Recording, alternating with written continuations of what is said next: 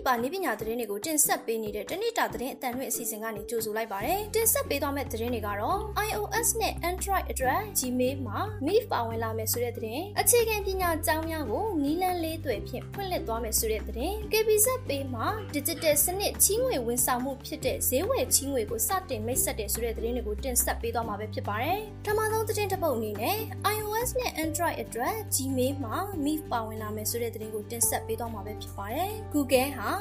Android နဲ့ iOS အတွက် Gmail app မှာ Meet Video ခေါ်ဆိုမှုထည့်သွင်းမယ်လို့သိရပါတယ်။လာမယ့်အပတ်အတွင်း Gmail Mobile သုံးစွဲသူတွေက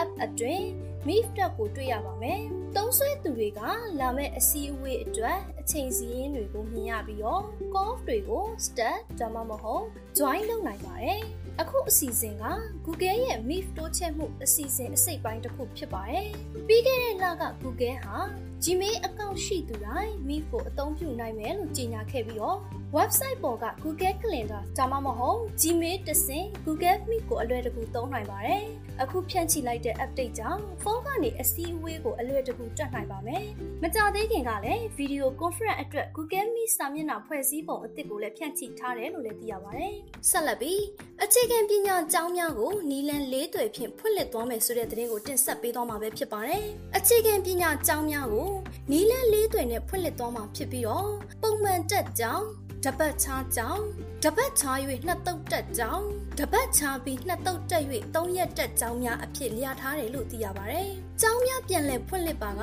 ကျောင်းသားကျောင်းသူအားလုံးအားဖတ်စာအုပ်များဗလာစာအုပ်များစာရေးကိရိယာများနှာခေါင်းစည်းများမျက်နှာကာများကိုအခမဲ့ဖြန့်ဝေပေးသွားမှာဖြစ်ပြီးတော့ကျောင်းတိုင်းကိုတာမိုမီတာများနဲ့လက်တန့်ဆေးရည်ပစ္စည်းများကို၎င်း COVID-19 ဖြစ်ပွားမှုများသောမြို့နယ်များရှိကျောင်းများသို့ PPE ရောဂါကာကွယ်ရေးဝတ်စုံနှစ်စုံစီကို၎င်းအခမဲ့ထောက်ပံ့ပေးသွားမှာဖြစ်ကြောင်းစာသင်ခန်းအတွင်းတဦးနဲ့တဦး6ပေချား၍ခက်ခွက်ခွာနေထိုင်မှုကိုစီစဉ်ထားရှိလျက်အခြေခံပညာကျောင်းများကိုနီလန်လေးတွေဖြင့်ဖွင့်လှစ်သွားမှာဖြစ်ကြောင်းပုံ မှန်တက်ကျောင်းတပတ်ချားကျောင်းတပတ်ချား၍နှစ်တုပ်တက်ကျောင်းတပတ်ချား၍နှစ်တုပ်တက်၍သုံးရက်တက်ကျောင်းများအဖြစ်လျာထားကြောင်းပြည်ထောင်စုဝန်ကြီးဒေါက်တာမျိုးသိန်းကြီးကစီမီယိုအရှိတောင်အာရှပညာရေးဝန်ကြီးများရဲ့မူဝါဒရေးရာ e-forum မှာဆွေးနွေးပြောကြားခဲ့တာပဲဖြစ်ပါတယ်။ကျောင်းသားကျောင်းသူတွေအနေနဲ့အိမ်မှာဆက်လက်သင်ယူလေ့ကျင့်မှုတွေလိုအပ်မှာဖြစ်ပြီးတော့ online သင်ကြားမှုတွေအတွက်လည်းလိုအပ်တာတွေကိုဖြည့်ဆည်းနိုင်ဖို့အတွက်အစီအစဉ်ထားကြောင်းဆွေးနွေးပြောကြားခဲ့ပါတယ်။စီမီယိုအရှိတောင်အာရှပညာရေးဝန်ကြီးများရဲ့မူဝါဒ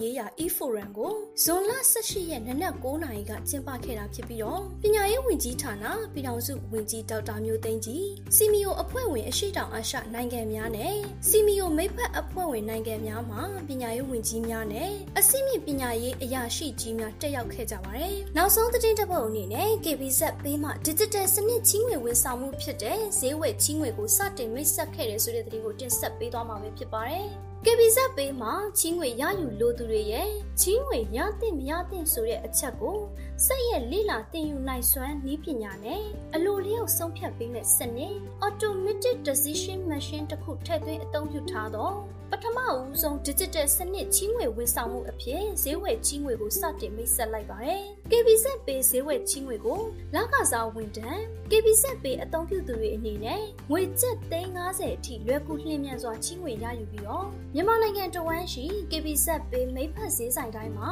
mobile phone နဲ့ electronic အိမ်အသုံးဆောင်ပစ္စည်းတွေကိုဝယ်ယူနိုင်ဖို့ဝန်ဆောင်မှုပေးသွားမယ်လို့လည်းသိရပါတယ်။ဈေးဝယ်ချီးငွေလျှောက်ထားမှုလုပ်ငန်းစဉ်တစ်ခုလုံးကို KBZ Pay mobile application အတွင်းစာရွက်စာတမ်းအသုံးပြုရမလို့ပဲနဲ့မိုဘိုင်းစနစ်ဖြင့်အဆအဆုံးစီမံဆောင်ရွက်နိုင်ကြောင်းကြီးဝေရယူသူများဟာအပေါင်ပစ္စည်းအာမခံပုတ်ကိုရှောက်လွှာကြီးစတာတွေကိုပေးအပ်ရန်မလိုအပ်ဘဲနဲ့ကြီးဝေအတီးပြုတ်ပြီးအဆင့်ကို24နာရီထက်မပိုတဲ့ကာလအတွင်းမှာဆောင်ရွက်ပေးမှာပဲဖြစ်ကြောင်းကြီးဝေရရှိကြောင်းအတီးပြုတ်ပြီးနောက်နေ့ကနေစပြီးတော့ KBZ Pay Mobile ပတ်စံရေးအတွင်းမှာဈေးဝယ်ကြီးဝေကိုအသုံးပြုက